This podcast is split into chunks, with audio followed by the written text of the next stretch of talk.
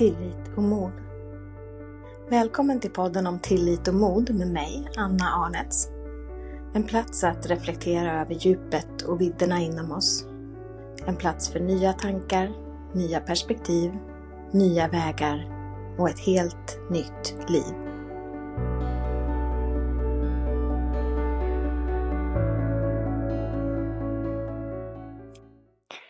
Är det ansvarsfullt att oroa sig? Jag upplever att det är så vi lever och det vi lär oss. Att när man är vuxen och ansvarstagande, då oroar man sig. Man oroar sig för sin ekonomi. Man oroar sig för sin försörjning. Man oroar sig för om man har ett jobb eller inte har ett jobb. Man oroar sig för hur det ska gå framåt. Men en av de allra största insikter jag har haft under det här året var att oron är helt och hållet onödig. För allting är ju precis som det är. Oavsett om jag oroar mig eller inte. Jag hade en månad som var väldigt tajt ekonomiskt. Och det har jag haft förut också. Och tidigare så har jag, jag har oroat mig, jag har haft klumpen i magen, jag har funderat på hur det ska gå, hur jag ska lösa saker. Och det som var annorlunda den här gången var att jag fick den här plötsliga insikten om att det har alltid löst sig för mig förut. Jag har inte förstått hur det ska lösa sig. Det kanske inte har löst sig på det sätt som jag har önskat eller velat. Men det har alltid, alltid löst sig. Och om jag oroar mig, så det enda som händer då, det är att jag blockerar min kreativitet. Jag blockerar min glädje.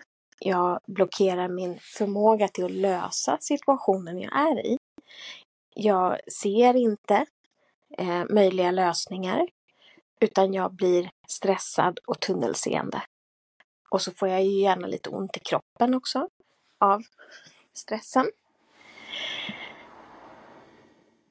Så jag lutade mig verkligen bakåt i att det har aldrig någonsin inte löst sig. Allting har alltid löst sig på ett eller annat sätt. Tilliten till livet, tilliten till att jag är hållen. Och om det är meningen att jag ska göra det jag gör på det sättet jag gör det, då kommer livet hjälpa mig.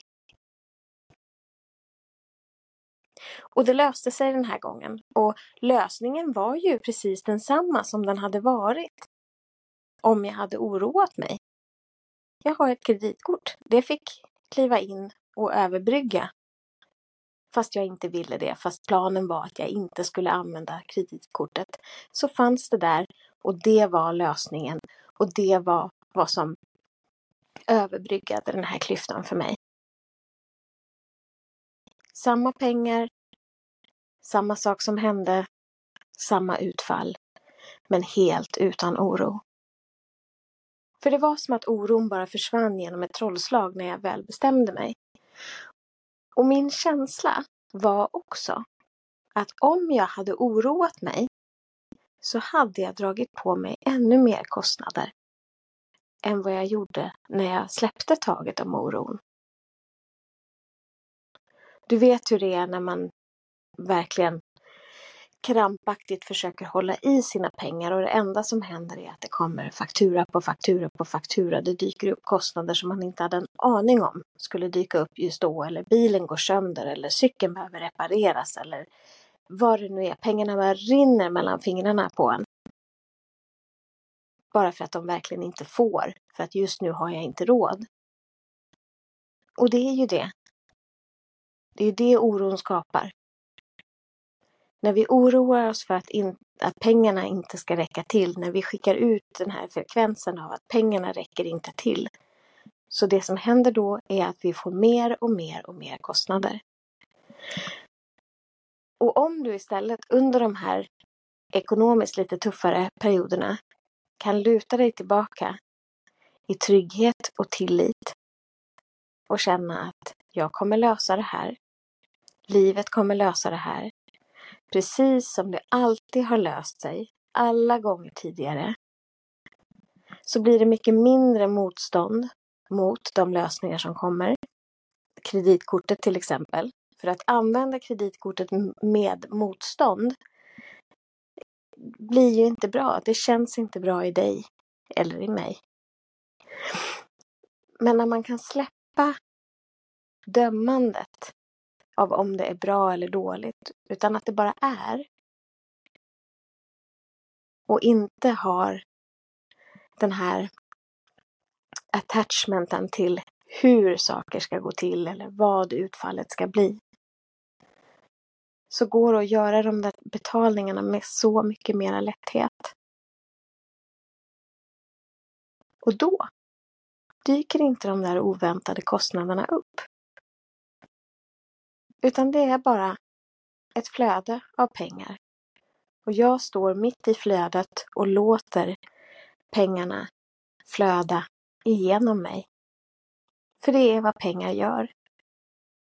Pengar är energi. Energi som ska vara i rörelse.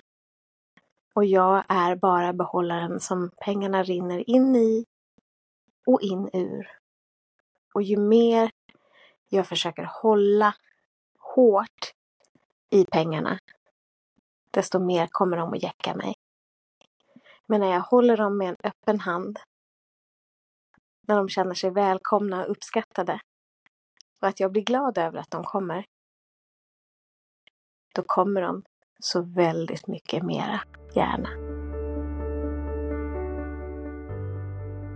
Tack för att du har tagit dig tid att lyssna.